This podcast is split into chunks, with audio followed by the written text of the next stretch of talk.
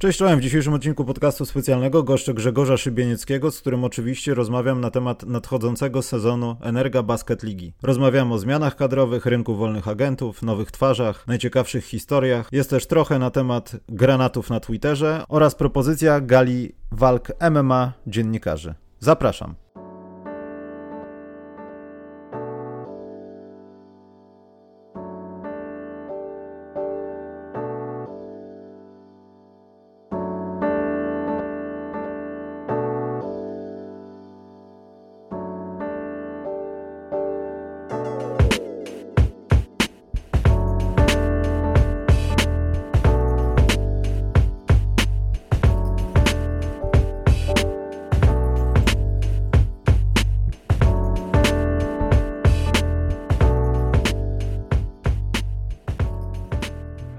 Witam Cię Grzegorz na corocznych dożynkach przedstawiających naszą kochaną ekstraklasę.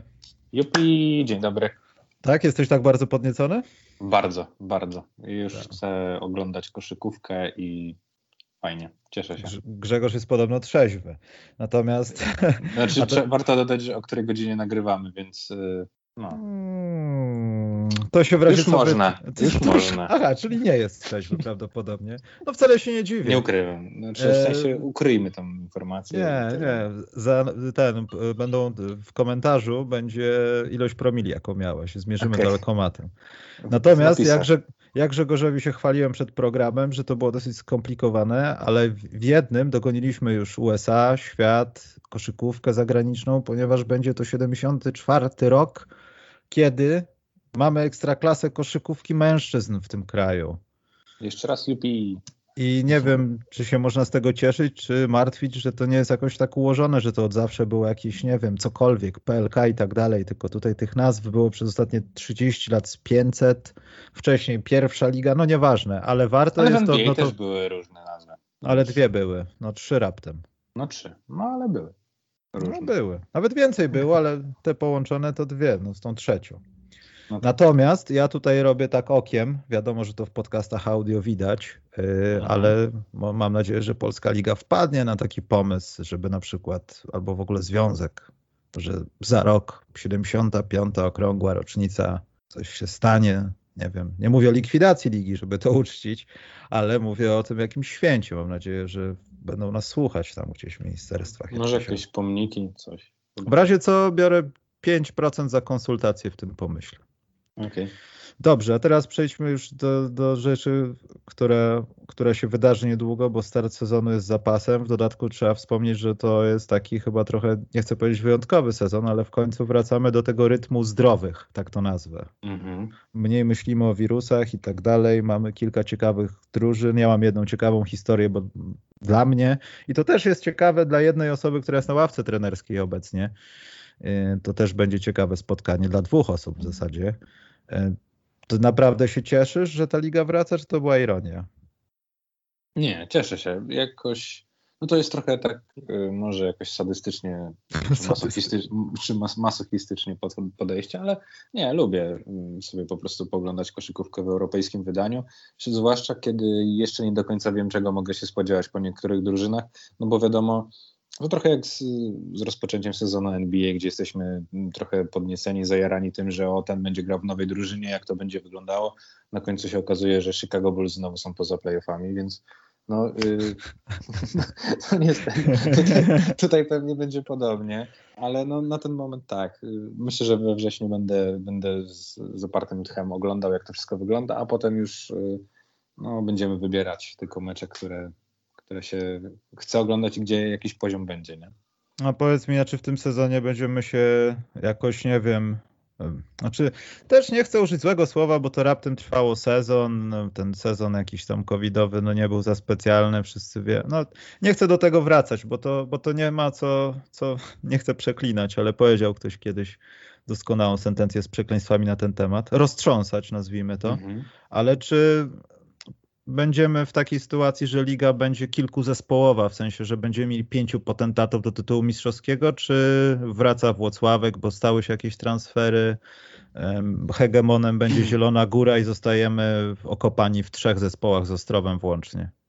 Nie, nie. Znaczy, jeżeli chodzi o takich głównych kandydatów do medali, którzy wyraźnie jakby wystają budżetowo, patrząc na to, jakie wykonali transfery, no to, no to jest ich, jest, są trzy takie zespoły. I to jest Stal Ostrów, czyli, czyli mistrz, wicemistrz, i, czyli, czyli Zastal i, i zespół, który zdobył brązowy medal, czyli Śląsk Wrocław. I, I tutaj widać, że te składy są szerokie, e, będą, będą puchary czy, czy gra w ligach taka jak, takich jak VTB, więc te zespoły będą na pewno mocne i już teraz można powiedzieć, że, że brak półfinału dla którejś z nich to będzie, będzie porażka. Natomiast generalnie cała grupa za nimi, za tymi trzema zespołami jest niezwykle wyrównana, niezwykle płaska na ten moment i ciężko jest tak naprawdę powiedzieć, czy równie dobrze jeden zespół może być czwarty albo piąty, ale równie dobrze może być jedenasty albo dwunasty.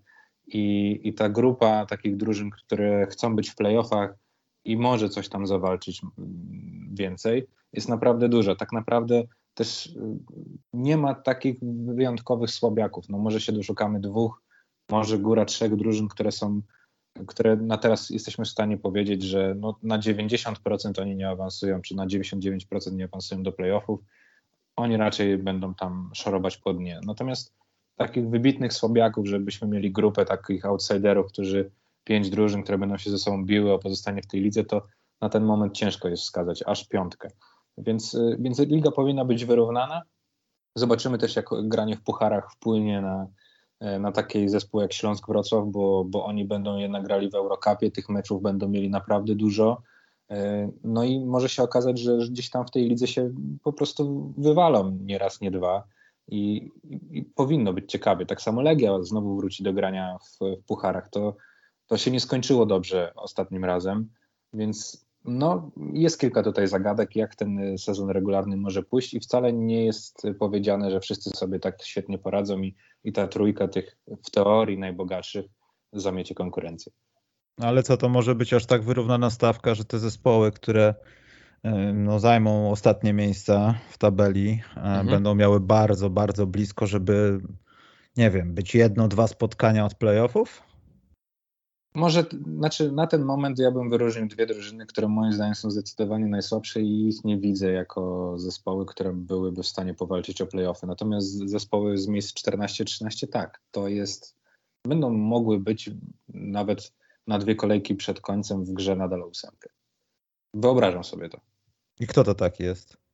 Y, te dwa najgorsze, czy wszyscy inni? Nie, no te dwa najgorsze.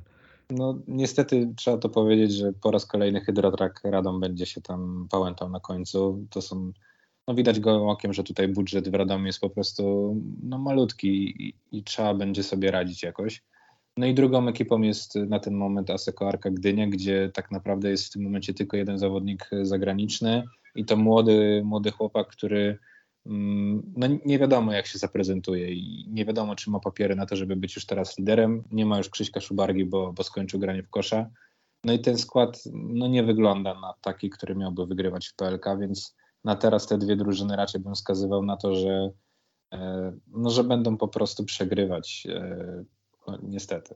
Tam w tym momencie też e, może trochę szyki krzyżuje, czy, czy jakieś zamiary, mm, tak zwany ban od batu, Aseko Arka przegrała sprawę z Joshem Bostikiem, czyli z gwiazdą, ewidentną gwiazdą ligi, natomiast poszło tutaj o to zakończenie sezonu u nas, gdzie wszystkie kluby stwierdziły, że koniec sezonu to był tam 17 marca i potem już po tej dacie nie płacimy. Okazało się, że, że nie wszyscy uważają tak samo. No i tutaj ta sprawa musi się rozwiązać, żeby ten ban został zdjęty z tego zespołu żeby mogły być jakieś transfery, więc Aseko ma pole manewru. Może, nie wiem, w grudniu ściągnąć trzech obcokrajowców i zacząć e, no po prostu odjechać e, od tych miejsc zagrożonych spadkiem. Jest, jest to realne, ale na ten moment ten skład bliżej mu niestety do, do grania w pierwszej lidze niż, e, niż do grania w ekstraklasie. No dobrze, to tak pozostawiając te tematy takie, że ktoś ma mniej pieniędzy, mhm albo, albo ma mniej pieniędzy, bo jeśli nie masz obcokrajowca, no to wynika to z tego, że twój zarząd nie jest nieporadny, tylko po prostu oszczędzasz bardzo kasę. Mhm. I tak jak mówisz, jeszcze masz zobowiązania wobec no, spraw, nazwijmy to zewnętrznych, a ta sprawa nie, nie, nie jest z wczoraj. Więc nie. można się spodziewać, że następne jakieś wyjdą za jakiś czas, chociaż no nie życzę. Natomiast kto twoim zdaniem mógł coś zrobić na rynku wolnych agentów, że tak powiem, ale mhm. tego nie zrobił, bo, bo, albo mógł wydać źle pieniądze, albo komuś zaufał, kto no nie odwzajemni talentem. Takie myśli od dwóch, trzech lat mam wobec y, drużyny ze Szczecina, wobec Kinga bo jednak jest to bardzo stabilna organizacja, która nie musi się martwić o pieniądze, o, o różne rzeczy takie około sportowe, tak? Ma bardzo stabilnego właściciela, super y, jakby relacje y, ze sponsorami, więc tam wszystko się zgadza pod tym względem, co jest no jednak niestety w pewien sposób ewenementem y, w skali polskiej, że, że nie ma sytuacji, w której jakaś tam wypłata by się opóźniła. Tam po prostu tego nie ma. Natomiast mam wątpliwości, czy ten klub wybiera dobrze trenerów, i na, potem, czy wybiera dobrze zawodników. E, mam wrażenie, że ten zespół zawsze jest dobry, zawsze gra ok, ale zawsze brakuje mu takiego błysku, a jednocześnie lekkiego ryzyka podczas e, off-season czy podczas budowania składu. Zrobienia czegoś totalnie nieszablonowego, e, tak by przełamać tą barierę ćwierćfinału, bo oni się obijają o ten ćwierćfinał od wielu, wielu lat. No i tak naprawdę blisko tego półfinału jeszcze, jeszcze nie byli. Więc to jest zespół, o który się znowu martwię, że znowu może być to samo. Czy w tym sezonie się pojawił tam Kacper Borowski, czy on w zeszłym sezonie się Pojawił się w tym tego lata tam, dokładnie. Hmm. No to za to zaraz zapytam, czy mam jakieś ciekawe polskie talenty, które się mhm. wymieniły i coś wzmocniły, bo na pewno Kasper Borowski takim talentem jest. No, czy możemy mówić o nim nadal jako o talencie? No, chłopak nie jest już młody. I to się, nazy- jest, to się nazywa młody, hejt ale... właśnie, i to jest hejt. No nie, no jeżeli ktoś już grał 5 czy 6 lat na poziomie PLK, no to, no to ja bym już go traktował po prostu jako zawodnika, a nie, że jakiś prospekt, tak? No nie oczekuję no. od niego, znaczy. Nie, no broń Boże, nie myślę w tych kategoriach, to, to, to, to nie jest pan Kolenda czy coś, no jeszcze. No, no tak, tak, tak. Ale jak najbardziej zdolny młody gracz, który jest jak najbardziej wzmocniony dla tej drużyny. Nie, no jeszcze szczyt kariery ma przed sobą, tak, no to tutaj... Poza tym no, King na jedynce i dwójce zdaje się mieć zawodników, którzy no, mogą też nie dawać minut innym zawodnikom, jeśli chodzi o ich grę, tak mi się wydaje. E, no, no tak, ja jestem w ogóle zaskoczony taką koncepcją, że najpierw jakby zatrzymano Kubę Szenka, który od dwóch lat pokazuje, że tak naprawdę może być pierwszym rozgrywającym w zespole playoffowym. E, Filip Maczak po dobrym sezonie. Mm. No i do tego dokładamy Amerykanów, którzy tak naprawdę nie mogą grać na pozycji numer 3, czyli nie powinni grać obok tych dwóch zawodników, którzy już są dosyć niscy, e, tylko powinni grać wymiennie z nimi i to są dobrzy Amerykanie, którzy pewnie trochę tego budżetu przejadają. Trochę nie, nie kumam tej koncepcji, tak jak mówię, coś mi zawsze latem w tym zespole nie pasuje, natomiast no cóż, no dajmy im szansę, tak? Jest nowy trener, którego, którego w Polsce jeszcze nie znaliśmy. Może on ma jakiś pomysł, że to, że to kliknie. A rzecz, która elektryzuje wszystkich na Mazowszu, Legia Warszawa. Mhm. Miłość z Łukaszem Koszarkiem. Czy, czy Legia poprawiła się? Czy, znaczy ja wiem, że o, tym, o tych zawodnikach, którzy przybyli teraz, chyba mhm. niewiele możemy powiedzieć, zwłaszcza o jednym, no to już na pewno. Chociaż też za, y, o Muhammadzie Al-Abdurze Rahmanie, czy możemy dużo o nim powiedzieć? Wiesz co, y, ja to jest moje top 3 graczy do oglądania w ogóle y, przed tym sezonem. Widziałem sparingi, które były transmitowane, gdzie, gdzie grał ten zawodnik i absolutnie można się zauroczyć jego grą i to jest naprawdę gracz, który, który ma na boisku wszystko. Potrafi rzucić, jest taki elastyczny, takie ma... No, widzisz po nim, że on potrafi grać w koszykówkę. To nie jest takie, takie wszystko kwadratowe, tylko to, jest, to, to ma wszystko taki swój ruch, tempo i, i to może być, według mnie to może być nawet gracz lepszy niż Jamel Morris z zeszłego sezonu. Jeżeli on będzie zdrowy i będzie się tak prezentował, jak, jak e, może trochę go teraz podkoloryzuje, wiadomo, i, i przereagowuje te pierwsze sparingi, natomiast super mi się podobał. No, potrafi mijać, grać do kosza, wiele różnych rzeczy i wydaje mi się, że to jest gracz, na którego trzeba zwrócić uwagę w ogóle na samym początku ligi, bo no, no naprawdę, to jest, to jest fajny zawodnik a reszta w tej Legii jest y, zbudowana z pewniaków i, i cały ten skład Legii bym powiedział, że tak, jest lepszy niż w zeszłym sezonie. Jeśli chodzi o tego gracza, powiem to jeszcze raz. Mhm.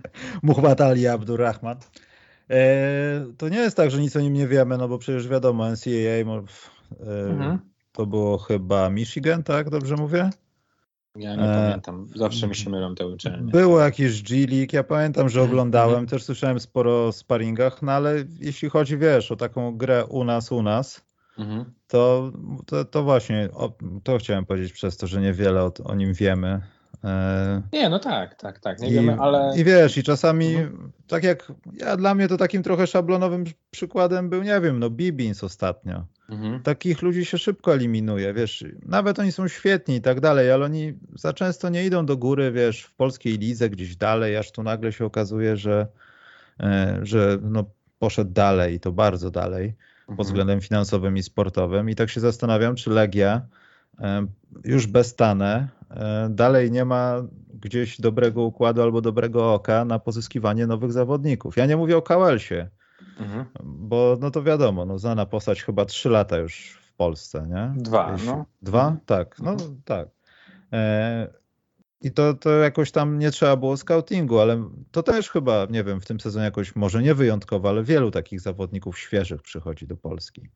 Tak, tak. No I, na pewno i... Wojciech Kamiński od lat ma oko na Amerykanów. No, tego nie można mu odmówić, że on nawet z tego Nika Nila, który grał po cztery, czwartej lidze włoskiej, potem w jakichś ligach gruzińskich, no generalnie 30-parolatek, który nie miał w ogóle kariery, bo tak to można sobie powiedzieć, który nawet w Radomiu niespecjalnie pasował trenerowi Witce, to on z niego zrobił w Legii zawodnika bardzo pożytecznego, co, co wydawało mi się wręcz niemożliwe i się łapałem za głowę, kogo oni wzięli na tego, na ten backup na jedynce. No więc, więc trener Kamiński umie wykorzystać to, co zawodnik ma najlepsze i, i oko do tych zawodników obwodowych od zawsze miał. To jeszcze ktoś zrobił jakiś dobry ruch transferowy? Na pewno w ciekawym kierunku, jak zawsze, idzie Igor Milicic. E, I to jest trener, który szuka zasięgu, szuka wszechstronności, szuka wysokich zawodników obwodowych. Teraz jest oczywiście ta sprawa z Terym Larierem, który no to też jest zawodnik ponad 2 metry, gracz na pozycjach 2-3 E, mega duży, taki e, bym powiedział Almeida podobny. Coś jest, coś jest takiego, że Igor Milicic odkąd miał tego Almeida, to potem chce mieć takiego zawodnika, który gra dużo z piłką i jest taki, to, to ma takie pterodaktyle ręce, nie? Że, że obejmuje całe boisko. I, I ściągnął sobie tym razem dwóch takich zawodników. Właśnie to był Terry Larir, e, który ma teraz problemy z sercem. Agent na Twitterze się wy, wykłóca, że Stal go przetrzymuje w szpitalu. No w ogóle jakaś, jakaś historia, która mam nadzieję, że zaraz, zaraz się przekonamy, jak było naprawdę. Natomiast tym drugim graczem jest James Palmer Jr. To jest gracz po G League, gdzie grał między innymi w tej, tej filialnej drużynie Clippersów i grał tam naprawdę bardzo fajnie. E, facet może nie rzuca z dystansu najlepiej, ale naprawdę potrafi punktować na kontakcie, dystans wejścia na kosz. Niesamowity zasięg ramion i właśnie to jest gracz, który ma około dwóch metrów, y, dużo gra z piłką, kryje jedynki. No to, to jest no, no murowany kandydat do bycia gwiazdą ligi i to kompletnie bez dwóch zdań. Mm -hmm. No dobrze, ja nie będę chyba pytał, no już w zasadzie trochę zapytałem, kto najgorzej mm -hmm. na wszystkim wypadł, ale patrząc na to, co się na razie dzieje na, no, mhm. nie wiem, bardzo ciężko mi to mówić w charakterze polskiej ligi, ligi y, wolnych agentów, no ale nazywajmy mhm. to w ten sposób. E, kto będzie po tym sezonie najlepszym polskim zawodnikiem w tej lidze?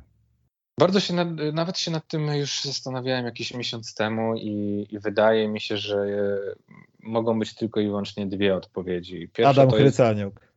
No niestety nie. Kurczę. Niestety nie, natomiast y, no, na pewno powrót Jarosława Zyskowskiego jest czymś takim, no, to jest gracz, który no, rok temu tak y, no, kręcił się wokół tego MVP, mimo że, że gdzieś tam pewnie go nie postrzegaliśmy jako najlepszego zawodnika tam, y, ligi w kontekście umiejętności, tak, to jednak mhm. liczby, wpływ na zespół predysponowały go do tego, żeby zostać tym MVP ligi i w tym skróconym sezonie E, takie wyróżnienie, już nie pamiętam czy od trenerów, czy od dziennikarzy zgarnął, więc no to jest na pewno duże nazwisko. Ale myślę, że graczem, który idzie tak mocno do, do przodu, do góry jest jednak Aleksander Dziewa i jeżeli on sobie poradzi na poziomie Eurocupu, no to, to, to o nim będziemy mówili, że to jest najlepszy Polak w lidze. Dobrze, zapisuję to w takim razie. Poniesiesz pełną, pełną odpowiedzialność tego. No, wiadomo, że jeszcze jest, że jest jeszcze kilku, kilku zawodników. Może to będzie rok Łukasza Kolendy, kiedy on wystrzeli tak, jak się spodziewamy tego, że, no bo jakby Łukasz robi cały czas konsekwentny postęp, tak, natomiast jego nazwisko było tak nahypowane, że spodziewaliśmy się, że któregoś roku po prostu on ruszy niesamowicie do przodu i, i, i nagle wystrzeli. Może to będzie ten rok, tak, gdzie on właśnie w tym Eurokopowym Śląsku będzie pierwszą jedynką, liderem, będzie rzucał po 12 punktów na mecz. Kto wie, no to, to, to też jest jakiś tam kandydat, natomiast ja bym stawiał bardziej na tych pewniaczków, czyli albo Zyskowski, albo Dziewa. Ale wiesz co, dobrze, że to wspomniałeś, bo też przez jakiś czas chciałem o tym porozmawiać, ale tak się to rozmyły, te wszystkie rozgrywki mhm. 3 na 3 nasze kadrowe, że to jakoś przeszło. Ale wiesz co, Łukasz Kolenda ma chyba trochę ten taki kłopot, znaczy ja go osobiście nie znam, nie wiem czy, czy to spływa po nim jak mhm. po kaczce, czy zostaje w jego psychice, ale to jest tak, że odpalasz sobie telewizor, gra Śląsk, albo ogólnie gra Łukasz Kolenda. Mhm. Łukasz Kolenda potrafi grać w kosza. Mhm robi różne rzeczy, często w przegranych meczach, często w wygranych meczach, często w meczach na krawędzi, często dostaje minuty, czasami się zdarza, że nie dostaje. Jest ogólnie już w takim obiegu zawodniczym. I o Łukaszu Kolendzie nie mówi się zbyt wiele, no chyba, że coś naprawdę zrobi szokującego, jest taki lekki hypik. Mhm. Potem mijają rozgrywki, albo, albo jest przerwa jakaś i gra kadra. I Łukasza Kolendy jeszcze bardziej nie ma. Tyle, że już naprawdę go nie ma, nie wychodzi na boisko. Ja nie wiem właśnie, czy Łukasz Kolenda mhm. nie jest trochę ofiarą kadry, że wiesz, w lidze to tam gra, ale w tej kadrze Mike Taylor na niego nie stawia, no ogólnie jest z tym problem. Niedługo ponoć ma zacząć, ale to tam niedługo to będzie jesień, to na mhm. pewno wiem. I tak, nie wiem, może to jest iluzja trochę, ale wydaje mi się, że Łukasz Kolenda trochę sam przed sobą traci trochę na tych wyjazdach kadrowych. Oczywiście pewnie jest głęboko zmotywowany dalej w lidze, żeby pokazywać, tylko że obawiam się, że dla mhm. Kolendy może te, ta kadra stać się takim niechcianym obowiązkiem, który no fajnie mieć orzełka na piersi, no ale jak ja mam znowu zagrać trzy minuty? To no już tak. wolę się skupić na tym i ryć tak, żeby w końcu mieć ten breakout sezon, no, co mu się swoją drogą należy i wszyscy na to mhm. czekają w ekstraklasie i może dostać jakiś duży kontrakt za granicą. No tak, no, mm, jest coś w tym, co, co mówisz i jednak w kadrze w praktycznie każdej jest tak, że albo jesteś wybitnym talentem i grasz, albo grają ci zawodnicy doświadczeni. Łukasz wydaje mi się, że też długo był takim graczem mocno zawieszonym między pozycjami. To znaczy w europejskiej koszykówce nie występuje taki zawodnik y, jak Łukasz Kolenda o takiej charakterystyce. W europejskiej koszykówce do tej pory było tak, że albo jesteś rozgrywającym, masz jakąś wizję boiska, potrafisz świetnie grać pick and roll, podajesz i tak dalej, albo jesteś dwójką. Łukasz jest y, tym graczem już trochę z tego właśnie nowego pokolenia, gdzie on może grać swobodnie obok rozgrywającego. Wręcz prosi się, że, prosi się, żeby grał obok drugiego kozłującego, żeby nie zawsze on musiał być tym, który y, przeklepie tę piłkę, ustawi akcję, pokaże zagrywkę i tak dalej, i tak dalej. Więc jeżeli Łukasza Kolendę wsadzilibyśmy do zespołu, takiego jak chociażby zeszłoroczny Stelmet, e, czy Zastaw potem, gdzie Tabak bardzo chciał grać na dwóch e, zawodników, gdzie Kolenda byłby trochę w roli Marcela Ponitki.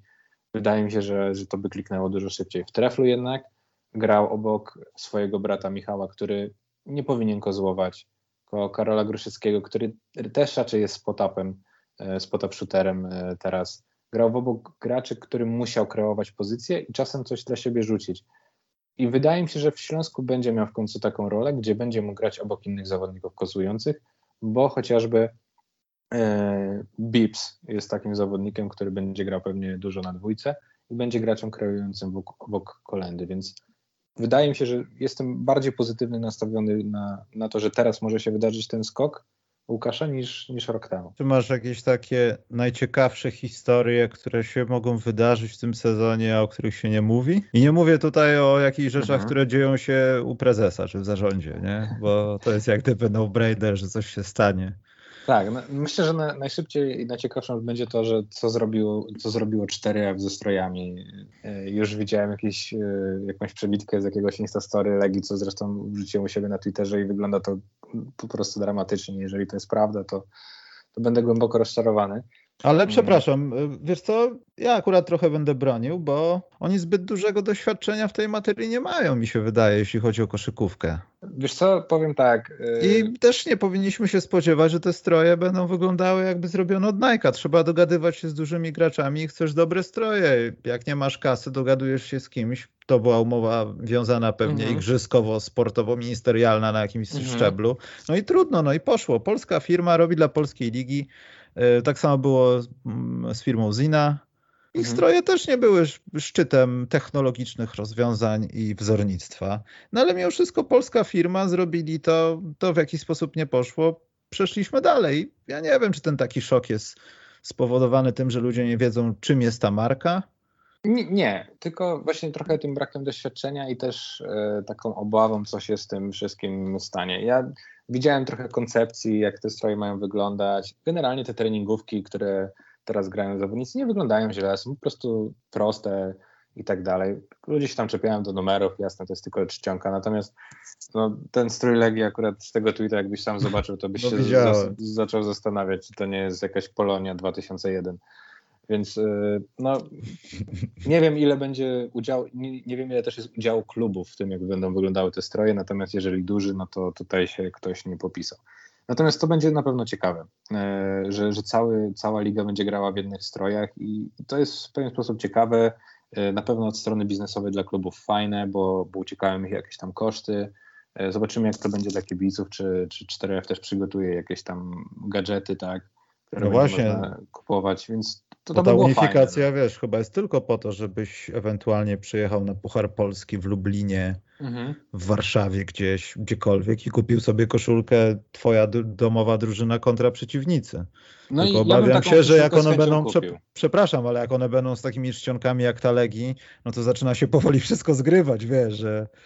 No tak. No aj, tak zobacz, zobaczymy jak to wyjdzie. Mam sporo obaw, natomiast... Yy jeżeli to zostanie zrobione dobrze, to naprawdę tą jakby powiedzmy na, tak na to reformę y, ocenimy na końcu pozytywnie. Tak mi się wydaje, mimo że pierwszy wiadomość jak tylko spadła, że takie coś będzie, to było hurdur, dlaczego tak się dzieje i w sumie ja też tak zareagowałem, natomiast potem jak sobie to wszystko przemyślałem, że dobra, to ma jednak sens, tylko niech to zrobią porządnie i tak, taką koszulkę 4F z jakimś tam zespołem, czy nawet po prostu jakąś ligową, fajną bym sobie na luzie kupił. Tylko boję się, że, że raz, że nie będą dostępne, albo będą dostępne od lutego, czy coś takiego, więc mhm. mam nadzieję, że to będzie po prostu zrobione, zrobione porządnie.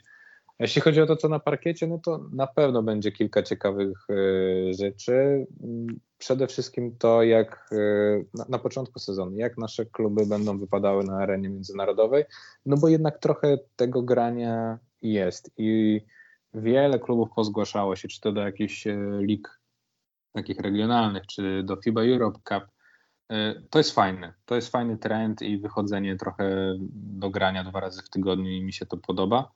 I, I na to też myślę, że będzie warto zwrócić uwagę. Tak jak my tutaj mamy pod nosem Legię, która będzie grała, wydaje mi się, że w bardzo ciekawej grupie FIBA Europe Cup. To jest fajne i to mi się podoba i za to też trzeba pochwalić e, nasze kluby, że, że zaczynają o tym myśleć. Generalnie o tym off-season bym e, taki, taki wniosek bym wysnuł, że jakby kluby się ewidentnie uczą, że to już nie jest tak, że e, agenci wysyłają e, oferty zawodników i klub wybiera na podstawie CV tego najlepszego, tylko to nie jest tak jak w normalnej pracy, że masz im, nie wiem, lepsze firmy w CV, im dłuższy staż, tym jesteś lepszy, tak? I widać to po tych transferach, że już wiele klubów sparzyło się na takich odcinaczach kuponów, którzy mają, nie wiem, 100 meczów w NBA, 50 w Eurolidze i teraz jeszcze szukają, gdzie tam dorobić do emerytury. Grzegorz, Tylko... y, Doron Lamp jest w Polsce. No, zakochany jestem jak wszyscy na w jego Instagramie. Natomiast to nie, to nie jest gracz odcinający kupony. To jest jednak. Y, to jest gość, który nie grał chyba dwa lata w kosza, nie? Mm, nie, chyba rok no rok, dobra, rok. A wcześniej grał w Eurocupowym zespole, więc. Yy, więc Bo też chciałem właśnie o niego zapytać, czy to jest, czy to jest, y, po pierwsze to jest z tych lambów, których mhm. mogliście Nie oglądać wiem. w NBA. Nie, tak, no mówię o graniu w NBA, znaczy pod NBA, no prawie w No nieważne. Y, Zastanawiam mnie właśnie od początku mnie to zastanawiało, co z tym, co z tym jego niegraniem, bo tam już wiesz, były jakieś takie informacje, które mówi, mówiły, Boże, co byście zrobili tam? Ta pszczółka was urządliła?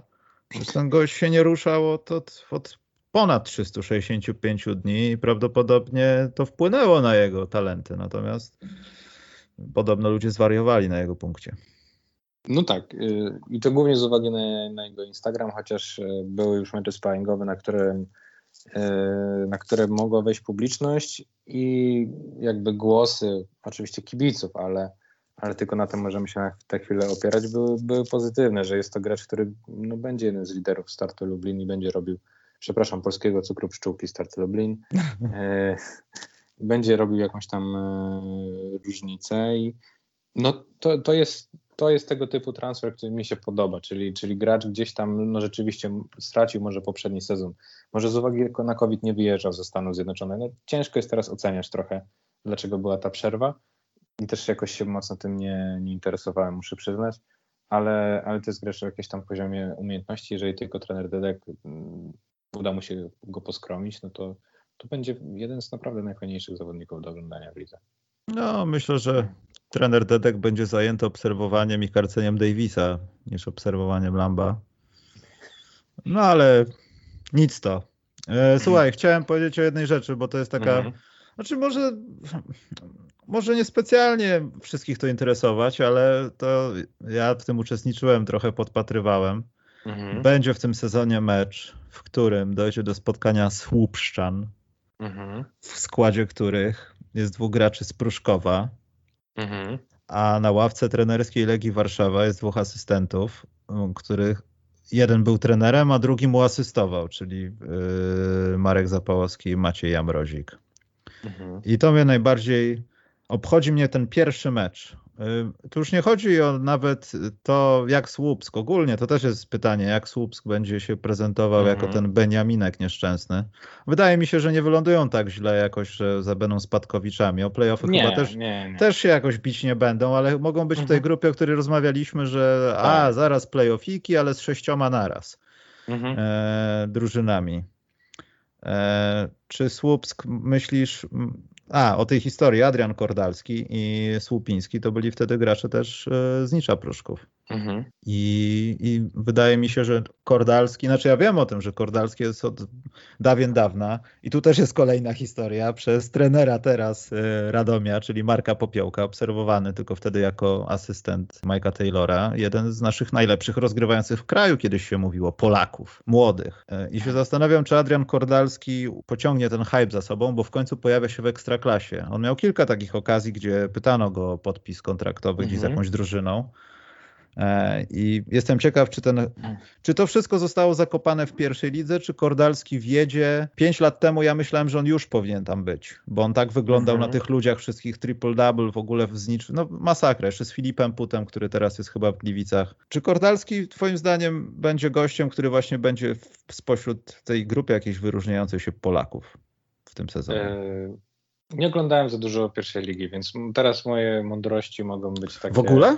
Wiesz co, trochę, no, jakieś tam playoffy teraz oglądałem i tak dalej, natomiast generalnie mam takie podejście do zawodników z pierwszej ligi, że za bardzo nie wierzę w to, że w pierwszym sezonie w Ekstraklasie coś się wydarzy, zwłaszcza, że Czarni Słupsk będą musieli siłą rzeczy grać o wynik i mhm. zwłaszcza, że ich jeden z dwóch najlepszych zawodników to jest rozgrywający na ten moment ze ściągniętych e, z zagranicy, więc Ciężko mi się wypowiedzieć tak dokładnie, bo, bo, bo Krodalskiego widziałem w jakichś taką ograniczonych minutach, ale gdyby ktoś mnie zapytał, czy powiedział mi, że musisz wytypować, to bym powiedział, że nie spodziewam się niczego wielkiego i nie spodziewam się raczej po żadnym zawodniku, który przechodził z pierwszej ligi teraz do PLK czegoś wielkiego, no bo tak zazwyczaj jest, tak, tak podpowiada prawdopodobieństwo, że, że jednak pierwsza liga to jest zupełnie co innego. I nawet ostatnio e, trochę rozmawiałem e, z redakcyjnym kolegą Jackiem na ten temat, e, że, że Kordalski świetnie wygląda, dostawał się do bręczy w pierwszej lidze,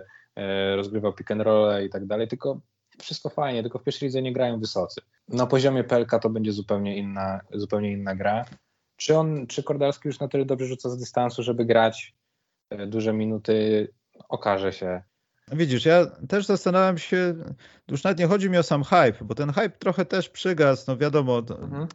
Sukcesy... Wiesz, no, ale mówiło się, że Zielona Góra pyta. Tak? Oczywiście, tak, tak ale sukcesy w Słupsku też się nie wzięły znikąd i też ja mhm. szanuję to, że u niego zawsze było to takie drużynowe, bo ja chcę z tą drużyną, nie odejdę teraz w trakcie, nie będę robił takich rzeczy, bo chcę z drużyną.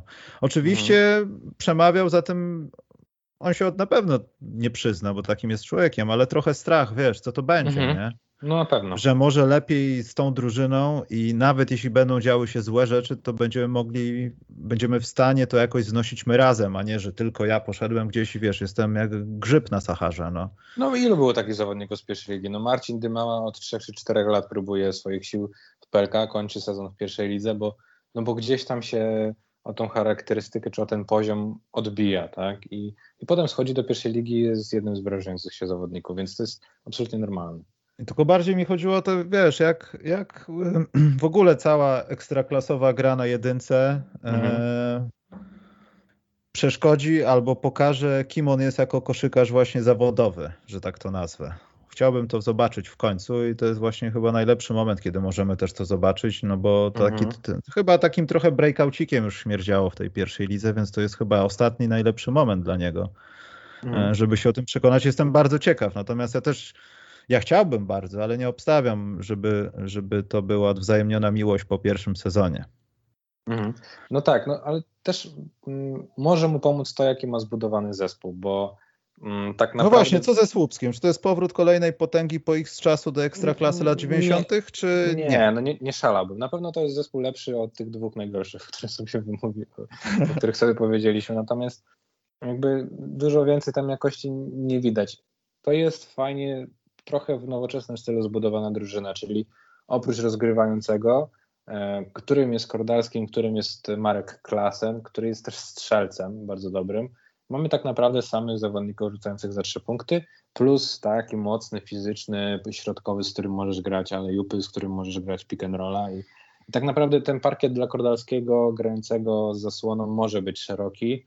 I tutaj on się powinien fajnie odnaleźć, bo ma wokół siebie drużyna, która która powinna mu pomóc, gdzie powinien mieć opcję do podania, opcję do, do tego, aby grać swoje, swoje takie akcje, które on najbardziej lubi. No i zobaczymy, jak to wykorzysta. Natomiast yy, no, będzie brakowało czarnym jakości na koniec, no bo co by nie mówić, no to jednak ci zawodnicy z pierwszej ligi, no tak jak chociażby ten przytoczony Słupiński, no gdzieś tam się od tej perka jednak odbijali w pewien sposób. Oni mogą wyglądać przyzwoicie i nie będzie jakichś dramatów, tak? Nie będą rzucali niedolotów czy hmm. nie wiem, będą się łamać o, o, własne nogi, ale, ale no to nie będzie jakaś tam super jakość. Tak, kolejnym przykładem jest Kuba Musiał, który no jakby został trochę zesłany ze Śląska, bo był za mały na ekstraklasę, a w pierwszej lidze sobie radził świetnie, tak. No i, no i teraz kolejne podejście, jak to wypadnie po raz kolejny. Jest tam kilka takich znaków zapytania, natomiast no, generalnie to nie powinna być drużyna, która będzie się martwiła o utrzymanie. To gasząc już tematy historii, to trzeba też rzucić nazwiskiem i to dla ciebie będzie pytanie, na które mi tym razem odpowiesz, bo to jest mhm. ciekawe pytanie, bo Marek Popiołek, a dodam, że jako prywatne zwycięstwo mam lepszy bilans w Lidze Wiatrów, która już nie istnieje od pana Marka. Mhm. Nie istnieje już Liga Wiatrów? Nie, zakończyła się jej, jej żywot zakończył się bardzo szybko. Żarty żartami, ale jak Marek Popiołek poradzi sobie na ławce trenerskiej, gdzie tak naprawdę no, w momencie, kiedy jesteś debiutantem i masz zawodowców wokół siebie i to nie byle jakich, ja nie chcę mówić często starszych od ciebie mentalnie, ale też doświadczeniowo jako koszykarze, czy to może mieć jakiś wpływ, czy Marek sobie nic z tego nie zrobi, poradzi, wszystko będzie dobrze? Wiesz co, jakby przy ocenie trenera Niestety, ale zawsze najważniejszy jest wynik, a o ten wynik będzie mu bardzo, ale to bardzo ciężko w Radomiu. E, spodziewam się, że ten zespół może grać ok, że będzie dało się go oglądać, że będzie, że ten Marek Popiołek na tyle rozumie koszykówkę i na tyle gdzieś tam sobie to, ten, ten, tą wizję na ten zespół pokładał, że jest w stanie zoptymalizować to, co ma. Natomiast, no niestety, ale pieniędzy i budżetu nie przeskoczysz i w tym momencie mm, musiał jakby kosztem pewnych pozycji, pewnych ruchów dokonać wzmocnień na pewnych pozycjach i I wydaje mi się, że ta drużyna jest trochę taka łatana. No, to, to jakby mm, ciężko będzie powiedzieć, że to jest taka wizja Marka Popiołka, super autorski skład i tak dalej. Oczywiście on jest odpowiedzialny za zbudowanie tej drużyny, ale tak naprawdę nie mógł się jakoś mocno tam rozwinąć i to było raczej takie sztukowanie z tego, co zostało, e, takie, takie wiesz, wybieranie resztek trochę, niż naprawdę od, od początku do końca przejście z karteczką według E, krok po kroku według jego wizji, więc no, koniec końców to może być fajne.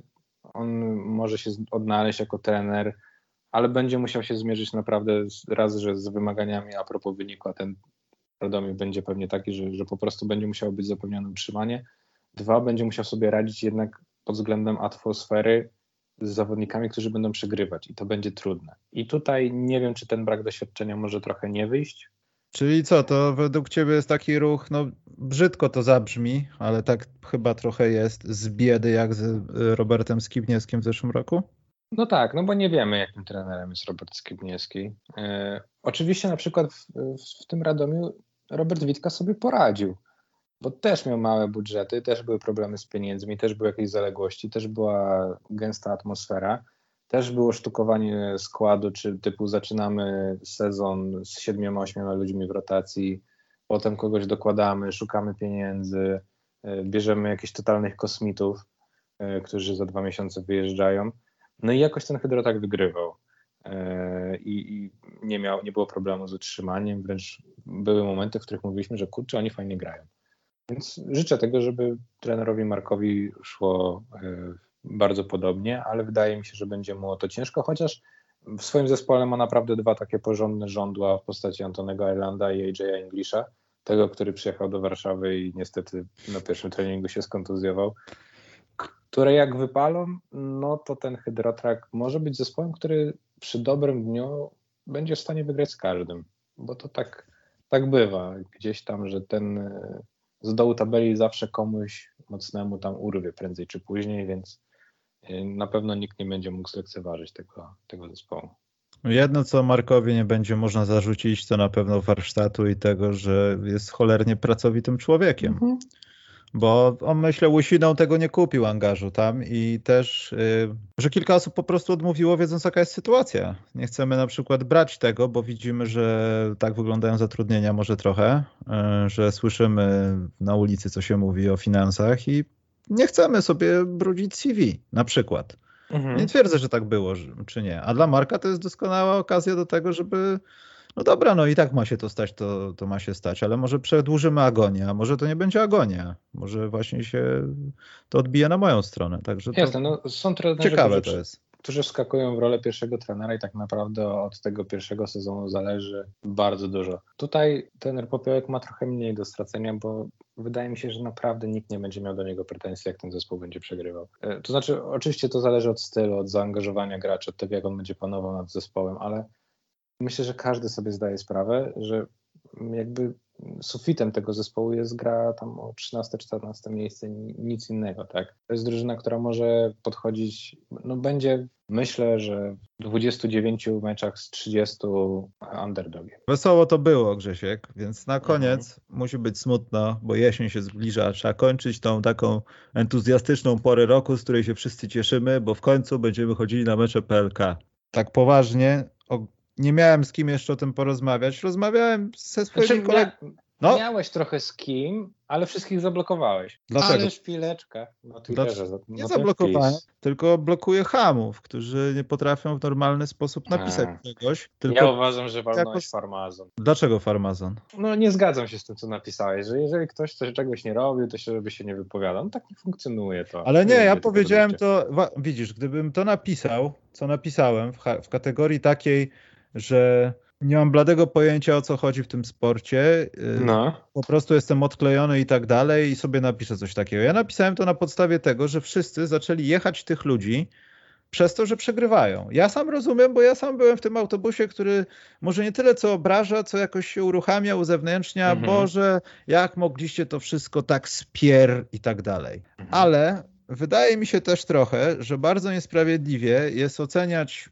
ludzi, którzy pojechali na Igrzyska Olimpijskie. Przypomnijmy, to nie są Mistrzostwa Świata ani Mistrzostwa Europy. Ja wiem, że pozornie może to nie mieć związku, mhm. ale to są Igrzyska Olimpijskie. Mi przynajmniej Igrzyska Olimpijskie kojarzą się z reprezentowaniem naszego narodu w sposób taki, że bierzesz udział w tych zawodach i nawet jak będziesz 120, to żygasz wodą, masz krwiokał, ale robisz wszystko, żeby wygrać, bo reprezentujesz kraj. No. I w tym twicie zawarłem właśnie to, żeby nie pieprzyć głupot, że Higgs był taki, ten był taki, tamten był sraki, bo po pierwsze, nikt z nas, znaczy ja trochę może nie tyle co grałem, co wiem jak to jest. Nie grał w takich warunkach, bo tylko o to mi chodziło, dlaczego ktoś nie grał w kosza w najmniej zorganizowany sposób. Żebyś się przełożył do swojej drużyny amatorskiej, gdziekolwiek zagrasz i miał jedną gwiazdeczkę, która jest w twojej drużynie, bo była kiedyś dobra. I ten mhm. człowiek ma przebłyski, jest dobry, trafia, rzuca do kosza, ale nagle, kiedy wy jesteście w playoffach o tą waszą zapierdzianą czwartą ligę gdzieś w Sulejówku, to ten gość, czy tam na jakimś turnieju, to ten gość zaczyna odpały robić. A ty doskonale wiesz, że jesteście tak zrobieni w tej drużynie, że tylko on potrafi rzucać. On jest tym takim wiążącym aspektem w pewnych tych ofensywnych sytuacjach. I ten gość już przerzuca, już forsuje, po pierwsze, niełatwo się żyje w szatni w takich momentach, więc no, naprawdę na to jest siedzenie wiecznie na żyletkach. Ty jesteś na tydzień zamknięty w hotelu w Japonii z obostrzeniami covidowymi, z kartonowym łóżkiem, 30 stopni, grasz przed południem, to, to jest cicha historia, o tym się nie mówi, ale mało osób potrafi przed obiadem się zmotywować. Zwłaszcza Michael Hicks, który prawdopodobnie wstaje o 11, bo ma amerykański jet i się dalej nie przyzwyczaił do wstawania w Europie, albo siedzi po nocy i gra w Call of Duty. Wiesz co, no, e, masz, ale poczekaj. Tak. E, po dwóch pierwszych meczach masz nadzieję, że możesz wygrać i nagle ten gość, który to kasztanił, uratował cię i w tym następnym meczu znowu zrobił te same błędy, tak jakby włączyć jeszcze raz ten sam mecz, tylko z innym przeciwnikiem. I na koniec dnia ty masz taką presję, bo musisz powiązać te wszystkie czynniki. E, żarcie na stołówce było do dupy, gram z idiotą, nasza gra jest do bani, byliśmy źle przygotowani, bo nie spodziewaliśmy się 40-stopniowych upałów, gramy dwa mecze w ciągu dnia, trochę też się do tego nie przygotowaliśmy a w ogóle przeciwnicy wcale nie są tacy najgorsi. I tak naprawdę przegraliście tylko chyba dwa mecze taką sromotną ilością punktów, a reszta była na krawędzi. Więc mhm. to chciałem zawrzeć w tym wpisie, żeby ludzie nie gadali o rzeczach, że jesteście do dupy, skoro sami się nigdy nie pokłócili w drużynie o te same rzeczy, bo nie mają pojęcia jak to jest. Więc jednocześnie moim zdaniem nie mają prawa się wypowiadać, bo nie wiedzą jak to jest. Ja wiem jak to jest być w turnieju, się pokłócić z typami, że miałeś być faworytem i nagle, nagle was nie ma i nikt ze sobą nie rozmawia, wszyscy są poobrażani i oddaj mi y, moje 50 zł, bo już w życiu nie będziemy gadać ze sobą. Wiesz. Znaczy, myślę, że, myśl, myślę, że bardzo fajnie, że się wytłumaczyłeś, bo w tych znakach, które są na Twitterze, ciężko jest to zrozumieć. Ale jednocześnie łatwo jest zhejtować to, co ktoś pisze, nie? Y, jest łatwo zhejtować i nadal uważam, że ludzie, znaczy to jest ryzyko zawodowe bycia osobą, która robi coś dla ludzi, w sensie robi rozrywkę, że po prostu jesteś ocenianym i, i tyle. I trzeba przejść nad, nad, tym, nad, nad, do, nad tym do porządku dziennego. Jeżeli jakiś, e, nie wiem, muzyk wyjdzie na scenę i da beznadziejny koncert, no to nie za bardzo mnie to obchodzi, czy on rano miał rozwolnienie, czy... Oczywiście, ale widzisz, muzyk bierze od ciebie innego. pieniądze, to jest inna sprawa. To, to... No jasne, ale... Oni generalnie... mogliby tam nie jechać, nie? Równie dobrze. Ja wiem, ale generalnie jakby prawem kibica, tak mi się wydaje, że jest to, że może sobie tam pogadać i za 10 dni i tak będzie trzymał za ciebie kciuki. Wydaje mi się, że sportowcy na takim poziomie powinni to rozumieć i nie trzeba ich za bardzo bronić, a ludziom pozwolić gadać, szczególnie tym anonimowym w internecie, więc... Wiesz co, najbardziej były te chamskie takie uwagi, tak naprawdę Hicks dał nam nam to wszystko, co nam zabrał, można tak powiedzieć. Na przestrzeni ostatnich lat hmm. Higgs jest najlepszym zawodnikiem Polski, bardzo wysoko mhm. sytuowanym w rankingach, zawodnikiem 3 na 3. Wszystko jedno, czy wyssane są te rankingi z palca, czy są miarodajne. Nawet nie wiem, jak się je liczy. Pewnie liczą się występy, zwycięstwa, pozycje w turniejach no, rankingowych. Jednocześnie musimy pamiętać, że może historia pokaże, że jest inaczej, ale dzięki niemu jesteśmy w tym miejscu sportu, albo mieliśmy tą szansę w 3 na 3, żeby no, tam być, gdzie byliśmy. I dzięki niemu tracimy, bo tak naprawdę ja też jestem zdania tego, że dzięki jego błędom przegraliśmy ten turniej. On nie był sam w tej drużynie, ale ta drużyna nie miała wyjścia, nie miała tak drugiej ofensywnej osoby. Hicks był do money in the bank, do produkowania punktów, reszta miała sprzątać albo dobijać, tak w wielkim skrócie. Nie, no obrażanie kogokolwiek jest y, nieakceptowalne i tutaj się zgadzamy. Natomiast jeżeli ktoś napisał, że no chłopaki daliście ciała, zagraliście do dupy końcówkę z Chinami, no to, no to tak, no to zagraliśmy i nie trzeba ich tam bardzo głaskać i mówić, że oni są na igrzyskach i mogli się tam źle poczuć. No, no trudno, no tak bywa. No jeżeli y, wiesz, no to, to i tak jesteśmy w takim sporcie, że jest okej, okay, tak? I że ludzie sobie coś pogadają pod nosem czy w internecie, a nie jak w piłce nożnej, że gdzieś tam będą się, nie wiem, bali dojechać do domu w Neapolu czy w jakimś innym Rio de Janeiro, nie? Więc y, jakby wydaje mi się, że y, no dobra, znaczy teraz jestem w stanie powiedzieć, że ludzie cię źle zrozumieli, ale że też ten twój tweet mógł być, y, no, mógł być takim granatem, który został źle niezrozumiany. No wiesz, raz rzuciłem granat o patosie piłeczki. Już nikt nie, nie pisał, miał pan rację, przepraszam. Mhm. E, tam nie było już nic. Po prostu jak masz rację, to jest cisza. No tak to wygląda niestety. A poza tym ja też nie dotykam tych ludzi, którzy znają się na koszykówce, na przykład nigdy nie grali, bo ich zdrowie nie pozwalało, albo po prostu ich nie kręci uprawianie sportu. Znam masę takich ludzi, a interesują się i niektóre rzeczy wiedzą mhm. ode mnie lepiej statystycznie. Tacy ludzie zdają sobie sprawę, jak wygląda specyfika drużyny i też nie chciałem bronić tej drużyny, bo ja mam jeden duży zarzut. No.